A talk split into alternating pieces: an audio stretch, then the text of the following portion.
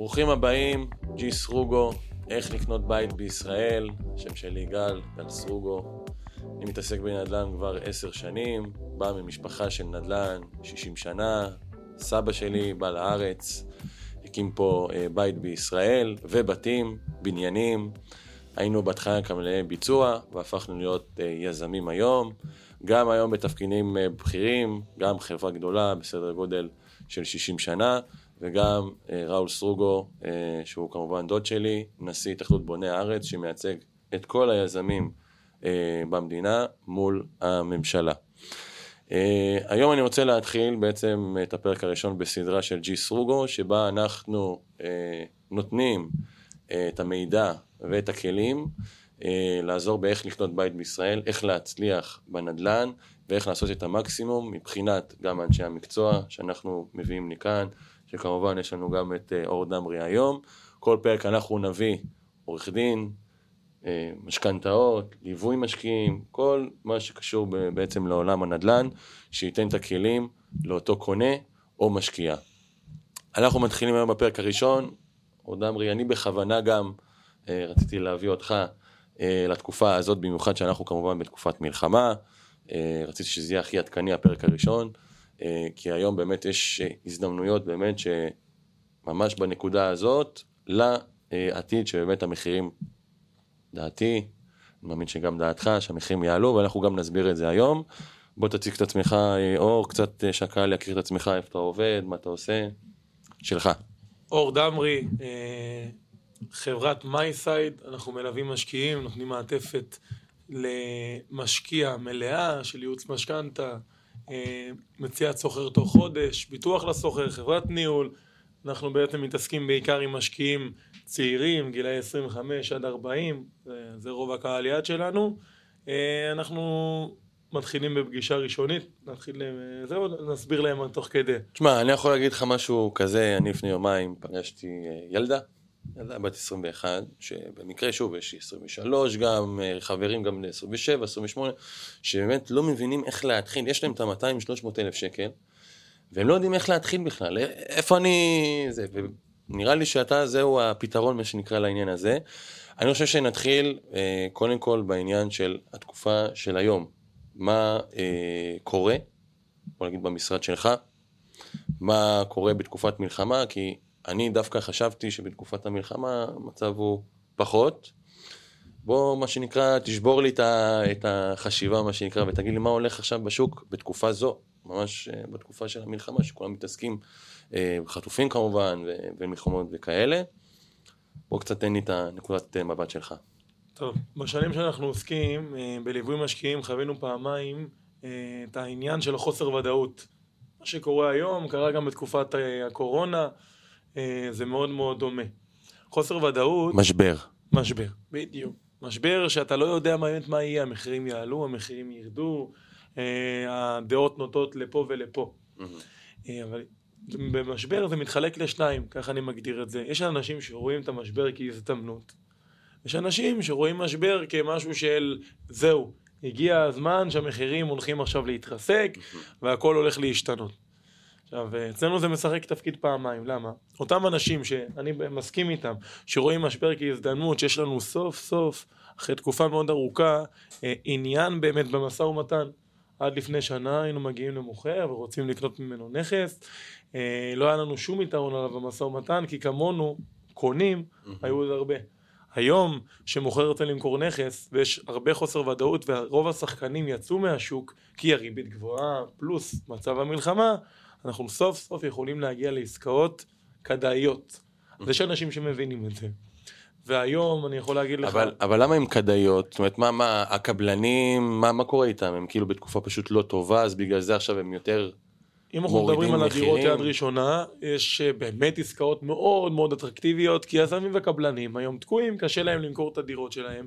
היה פה שבעה, שמונה חודשים של העלאת ריבית שהוציאה אה, את רוב הקונים מהשוק. אנשים לא יעמדו בהחזרים אה, של המשכנתה שלהם, ככה שזוג צעיר שעד עכשיו היה צריך להחזיר בשביל לקנות דירה בשלוש מיליון שקל, היה צריך להחזיר שתי מיליון שקל החזר משכנתה זה היה 6,500, 7,000 שקל, היום מחזיר 10 פלוס.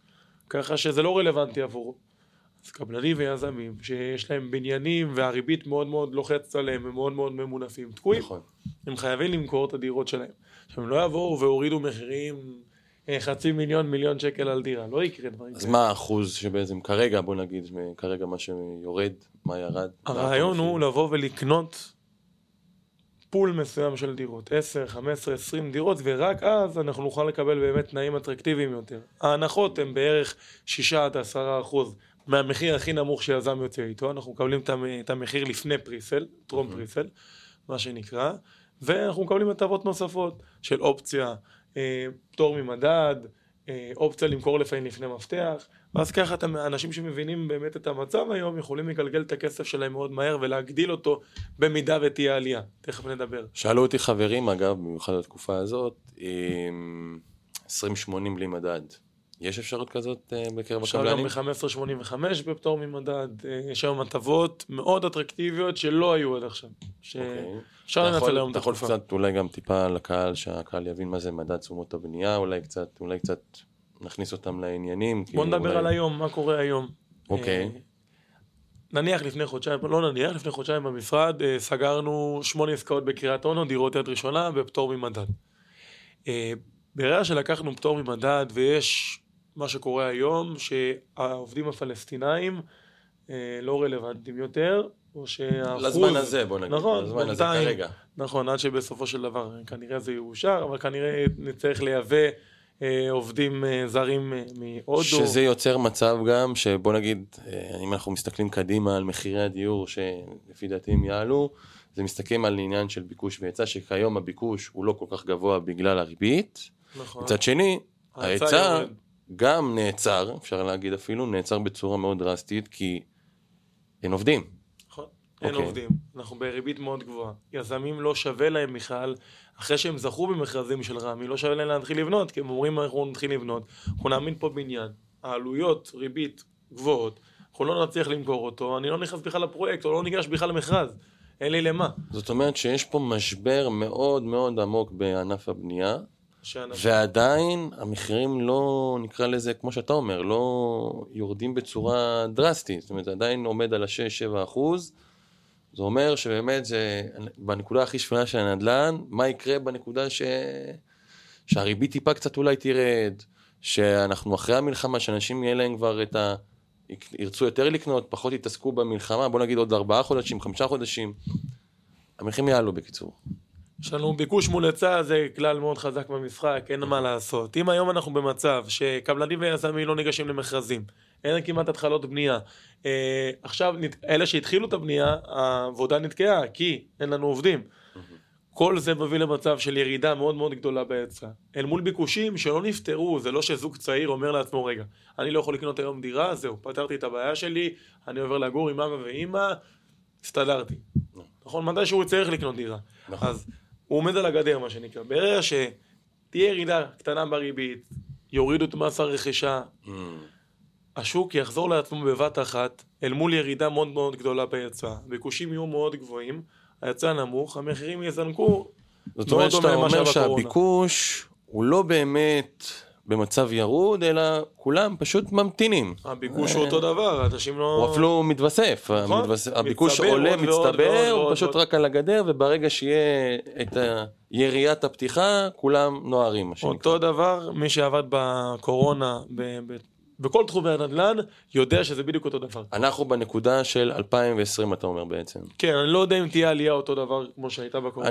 אני לא חושב, כי עדיין היה עצירה יותר מוחלטת מאשר במלחמה. נכון, כל העולם עצר. עוד, אה, וגם כל העולם אה, נעצר, אבל עדיין אני מאמין שיהיה פה בסביבות, ה- בוא נגיד, אם לא 30 אחוז, בסביבות ה-15, 20 אחוז. 15-20 אחוז אנשים... זה יהיו גם פה- בסדר? אלה שהשקיעו היום יהיו מיליונרים, אני זה קונה את זה. גם יהיה בסדר? בטח, בשביל כל המשקיעים שלנו אני קונה את זה. אז אם כבר מדברים על משקיעים, מה הולך אצלכם במשרד? בשביל שאנשים, שוב, יש לי פה חברים חושבים שאנשים לא קונים, אז מה קורה בעצם אצלכם במשרד? בשבועיים הראשונים של המלחמה אף אחד לא באמת יכל לעבוד. אה, לא אני, לא שותף שלי, לא העובדים, כולם התעסקו אך ורק במה קורה עם החיילים שלנו, ו...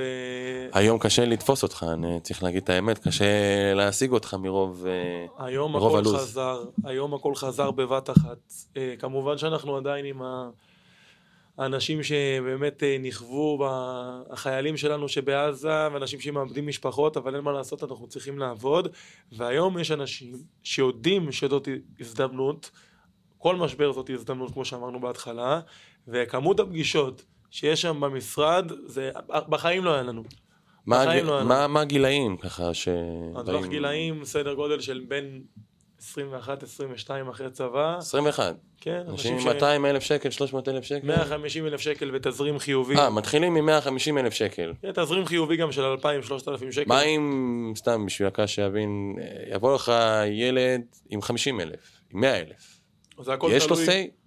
כן, 50 100 אלף, אפשר גם באפס הון עצמי לקנות דירה, אוקיי? אבל זה הכל תלוי מה, אני תמיד שואל משקיע, כמה כסף אתה חוסך כל חודש בלי שאני מוריד לך מהרמת חיים? כמה כסף אתה ממשיך לצאת עם מסעדות עם הבת זוג שלך, אתה לא מוכר את האוטו שלך וקונה אוטו קטן יותר, אתה לא רוצה שמישהו יקנה דירה ומצד שני ייחנק, או ייקח סיכון שהוא יתר על המידה. אם אתה בחור צעיר, שאתה גר אצל ההורים, אוקיי? אין לך איזה הוצאות קבועות שאתה אומר לא משנה מה אני חייב לשלם, או אה, אין לך ילדים גם, התחייבויות. ואתה כל חודש מצליח לחסוך 3,000-4,000 שקל, אז הרעיון הוא כזה, אתה לווה כסף, נניח ובשביל לקנות דירה באזור שאנחנו עובדים בו, אה, זה מינימום 600,000 שקל. זאת אומרת צריך 150 אלף הון עצמי, פלוס 30-40 אלף שקל הוצאות נלוות לעסקה עצמה, נכון. בשביל לבצע אותה. אז אנחנו פשוט לווים באחוזים מאוד נמוכים של עמלה. אפשר ל- ל- לעשות העברת פעילות אם אתה בבנק דיסקונט ואני מעביר אותך ללאומי, לקבל 50 אלף שקל ב-0% ריבית, אפס, בלי לשלם שקל. אתה מדבר על הנקודה של היום, כי אם אנחנו מדברים על הנקודה של היום, בוא נגיד עם הריביות, היום, היום, היום, היום, אפשר עם הריביות הגבוהות? אפשר לקבל הטבות, 50 אלף ב-0 אחוז, אפשר לפתוח פיקדונות, נניח הרבה אה. חיילים מגיעים אלינו, יש את הפיקדון שהם לא יודעים שאפשר לממש בשביל דירה, ואפשר לקחת כל מיני כספים אני כאלה שמעתי ואחרים. מהבנק שיש עכשיו, שוב, לשלושה חודשים הקרובים, הלוואה של 250 אלף שקל על ריבית אפסית. שוב, נותנים פה... אפשר לנצל את התקופה הזאת באמת, וריבית באפס זה אומר שבן אדם אומר לך, קח כסף, תחזיר לי, הכל טוב, ברור, אבל אני לא לוקח לך על זה כלום. זה כסף בחינם, עדיף לקחת את הכסף זה- הזה זה ולהשקיע אותו מאשר את הכסף שלך. זה מזכיר לי את הנקודה של 2020, בנקודה שהתחילו פה לחלק כסף עוד פעם. זאת אומרת, עוד פעם מחלקים פה כסף. זה, זה היתרון בסופו של דבר בכל דבר, זה עניין המינוף. אבל אם אנחנו מתמנפים 100% או 85% זה מסוכן. אסור לק- בתקופה הזאת. בכל תקופה, חייב לקחת את זה אה. בחשבון, שלא נגיע למצב של נניח זוג עם ילד, שהתמנף יתר על המידה, אמר אני אעמוד בזה. פתאום נולד לו עוד ילד, הוא צריך גם להכניס את הילד הראשון לגן, הגן עולה כסף, הם לא צפו את ההוצאה הזו. לכן חייב לתכנן הכל מראש. איך אני אומר, עסקת נדל"ן טובה, מתחילה בתכנון. אז איך מתכננים מראש? כי שוב, יבוא לך באדם מההייטק, שמע, הוא לא כל כך מבין, שמע, יש לי חברים בהייטק, הם לא יודעים מה קורה בנדל"ן עכשיו, הם לא מבינים יותר מדי, אז איך אתה, זאת אומרת, צריך ממש את הליווי הזה, ממש יחסינו לאן, נקרא לזה ככה, בינך לבינו, מהפגישה הראשונה? הפגישה הראשונה זה הדבר הכי חשוב. בפגישה הראשונה קודם כל אנחנו אוספים היכרות. הוא מכיר אותנו, אנחנו מכירים מי המשקיע, מה המטרות שלו. אם אתה לא מתחיל במטרה, מה המטרה שלך בסופו של דבר מההשקעה? יש כאלה אומרים לי, אני רוצה לקנות בית, כסף, יגידו לך לא. כסף. בית למגורים בראשון. היום אני לא יכול לקנות, יש לי 200 אלף. המטרה הסופית שלי זה להגיע לזה. המטרה הסופית שלי זה לקדם את הכסף. רגע, אז איך הוא עושה את זה? הוא בעצם מתחיל בחיפה, בוא נגיד, העיר האהובה עליך. נכון, זה דירות יד שנייה. אה, שאני יכול להגיד לך על חיפה, במיוחד בתקופה הזאת, מה שלי יש טריגר מסוים לעומת אה, באר שבע, שזה זה העיר שאני יותר אוהב. אה, אסטרטגיה ביטחונית, שוב, יש פה עניין ביטחון, אנחנו גם בתקופה של מלחמה, לא יודע מתי זה יסתיים. חיפה עלה לי הרעיון שיש שם שני נמלים. יש נמל הודי ונמל סיני. נכון. זאת אומרת, עכשיו הסינים כרגע לא בצד שלנו, נקרא לזה ככה. מצד שני, אה, בוא נגיד חיזבאללה שרוצה לתקוף, הוא לא יכול לתקוף, לא יודע, תקן אותי, טועה, את חיפה בצורה מאוד מסיבית, כי יש פה שם נכסים שהם סינים, אסטרטגיים לסינים. בדיוק. אני לא חשבתי על זה. לא יודע, פתאום חשבתי על זה עוד יתרון שנתת אתמול. לי בחיפה שלא... בחיפה נתתי לך, קיבלת מתנה. לעומת. באר שבע, הנה, קיבלת מתנה ממני, נדבר על זה חיפה אחרי זה, עלתה מה... ב-10% ברבעון האחרון של השנה. וואלה. הרבעון האחרון חיפה עלתה בעשרה אחוז, אה, סליחה שאני אומר, לא. באר שבע ירדה בחמישה אחוז. אין בעיה, לא, בסדר. יש תקופות, זה, אתה כן, יודע לא. איך זה. אני בפודקאסט הבא שנהיה, אני אבוא לך עם הפוך, עם הנתונים ההפוכים. אה, תשמע, הכל זה מאוד דינמי, יכול להיות שבאמת באר שבע היום, אני יכול להגיד לך שיש תוכניות עתידיות אה, לבאר שבע של מיליון איש אה, שנמצאים שם. גם אני מאמין שיש תוכניות חזקות מאוד בחיפה, מבחינת תשתיות, מבחינת גם אה, תחבורה ציבורית גם, אה, שמעתי רכבות למיניהם והכל. אה, שמעתי גם עכשיו, שוב, יש כבר יזמים היום, כמו שאתה, כמו שאנשים כבר קונים, גם יזמים היום גם קונים הזדמנויות. אני שמעתי פינוי-בינוי בנשר, נכון. בכמויות אדירות, כאילו, בעשרת אלפים, לא יודע, ראיתי מספרים באמת שלא ראיתי. אמ, אז הצעירים קונים את חיפה. אצלנו בכלל אה, מתמקדים בעיקר בדירות יד שנייה בחיפה. חי- אנחנו נותנים מעטפת של אה, מציאת סוחר תוך חודש אם לא אנחנו משלמים, וגם אם הסוחר לא משלם אנחנו גם משלמים. אנחנו לא יכולים לקחת אחריות כזו בכל אזור. צריך לדעת איפה לעבוד, וגם בחיפה אנחנו לא עובדים בכל אזור. יש שכונות שאנחנו לא ניגע בהן. מה הטריגרים שהיית בעצם, אה, אני, אני גם יודע, כן, אה, יש לי, אבל מה הטריגרים מבחינתך בזאתי דירה של מיקום טוב? עזוב, ישנה, חדשה, לא מעניין, הרי הכל זה עניין של מעגל בסופו של דבר, שמהישן הופך לחדש, מהחדש הופך לישן. מיקום. אתה יודע, יש בראשון מקומות במחיר כזה, ויש מקומות במחיר פחות. מאוד אה, דינמי. במיוחד בתקופה הזאת, אגב, שכל עיר כבר לעצמה, מה שנקרא. מה הטריגרים? השכונות מה- שאנחנו עובדים בהן, אלה שכונות שכנראה לא אני ולא אתה היינו גרים שם. מצד שני, הן עונות על כל צורכי המשקיע. מה זה אומר? דבר ראשון, מחיר? מחיר. דבר שני, תשואה יחסית הרבה יותר גבוהה ממה שאנחנו מקבלים שהרבה. פעמים עושים טעות בעניין, אני שומע את זה הרבה במיוחד אצל הצעירים או אצל הנשים, אני אדגיש את זה אצל נשים, שכאילו היא לא תקנה את הדירה כי היא לא אוהבת אותה. צריך לנטרל את כל העניין לא, של לא שהיא, הרגש. כאילו היא הולכת לגור שם. זה כמו לא לקנות מניה של אה, חברת אפל, כי אתה משתמש בגלקסי ואתה לא אוהב את... אה, לא מדויק, אייפון. מדויק מאוד מה שאמרת. זה בדיוק אותו דבר. אתה מסתכל על עסקה, בגלל זה, אני תמיד אומר, אנשים מגיעים אלינו לפגישה הראשונית, ומתחילים לה, לשאול אותי שאלות על דירות למגורים, ומה אני חושב ככה. בדירת מגורים אני, אני אומר להם, בואו בוא נעצור, אני, אני יושב מולכם עכשיו ככובע של משקיע. מלווה אתכם בהשקעה. ברגע שאנחנו עוברים לדירת מגורים, מה שבסופו של דבר ישפיע זה האם זה משרת את האינטרסים שלך. מה האינטרסים שלך? להיות קרוב להורים? משרת? שווה כסף, לא? החינוך ילדים שאתה רוצה בשכונה הזאת מתאים לך? שווה כסף, זה לא רלוונטי באמת בכמה תקנה את הדירה. כאילו, זה לא לא רלוונ- רלוונטי, זה הרבה פחות רלוונטי. בדירות להשקעה אנחנו מסתכלים נטו, מספרים. שכירות, מכסה לי את המשכנתה, עוברת לי את המשכנתה. הדירה, קניתי אותה במקום ב-800, ב-700, כבר הרווחתי. על זה סיכוי לעליית ערך, יש התחדשות עירונית באזור, יש משהו שאמור לקרות, בחיפה יש נוף ים כמעט מכל מקום. ככה שאם אתה יודע ל- לעבור לשכונות ספציפיות שהן מישוריות, עם נוף ים, כנראה שיהיה התחדשות עירונית מאוד מאוד מהר. שכונות שחתומות, נניח בת גלים ברחה לנו, שכונות אחרי זה, קריית אליעזר, שפרינצק, אה, כל מיני שכונות כאלה שאנחנו זה יודעים למה, שת- זה למה המגרש אה, קריית אליעזר, לא? אה, זה קשור... קריית אליעזר, כן. כן, כן, זה כן. ממש יבנו על במקום המגרש? נכון, בניינים. אני כן. מבין. כמו ברמת גן, למרות שעדיין ראיתי שהאצטדיון. רמת גן עדיין נשאר, כאילו, כן. לפי מה שראיתי. אוקיי, אני רוצה שהקהל יבין גם בבית, כי יש לנו עוד שבע דקות, בואו נגיד ככה, לסרטון. מבחינת המיקום, מבחינתי לפחות שהוא טוב, זה מוסדות חינוך, מוסדות ציבוריים, תחבורה ציבורית, תחבורה ציבורית. חשוב מאוד. זה חשוב מאוד מבחינת מיקומים. מי הס- מי השוכרים שלך? מי? הקהל שהולך לשרוד ממך את הבית? האם זה סטודנטים? שאני באופן כללי. פחות, אני פחות אתה פחות אוהב? לא, סטודנט של רפואה, לא סטודנט של... לא, גם אה, שיר של של רפואה, נניח עכשיו. בתקופה הזו, בתקופה אה, הזו, הם? יוצאים. במלחמה, אה. באים, שמים לך את המפתחות, אומרים לך, לך תחפש אותי, תתבע אותי, אני לומד בזום עכשיו, אתה מתנצל, אני לא יכול לבוא ולהחזיק את הדירה הזו, אז אתה צריך ללכת, זה בעיה. אז מה עדיף את המשפחה? אני תמיד אוהב את המשפחה, או עוד אה, זוג צעיר, או מישהו שגר לטווח ארוך, מישהו מבוגר, אה, שרואה את שאין לו את הדירה הזאת, הכוחות גם, אין לו את הכוחות גם. רואה את הדירה הזאת כדירת המגורים שלו. לא בא להחליף את ה... כל שנה שיתחלף לך מישהו, אני סיימתי, אני עובר לאוניברסיטה אחרת. כמובן שאפשר סטודנטים, אבל אי אפשר לבנות על זה השקעה. ו- זאת האמונה שלי. טוב, נקדיש עוד איזה חמש דקות אה, למה שקורה כיום, בוא נגיד בשטח עם המלחמה והכל. אתה היית קונה דירה בבאר שבע היום? בבאר שבע, אתה יודע מה? אני לך על אפילו. יותר רחוק, יותר רחוק. באופקים, אופקים יש לי? פרויקט שאנחנו משווקים, אנחנו משווקים גם דירות יד ראשונה במשרד וגם דירות יד? שנייה. באופקים אני משווק עכשיו פרויקט עם חברה מאוד מאוד גדולה.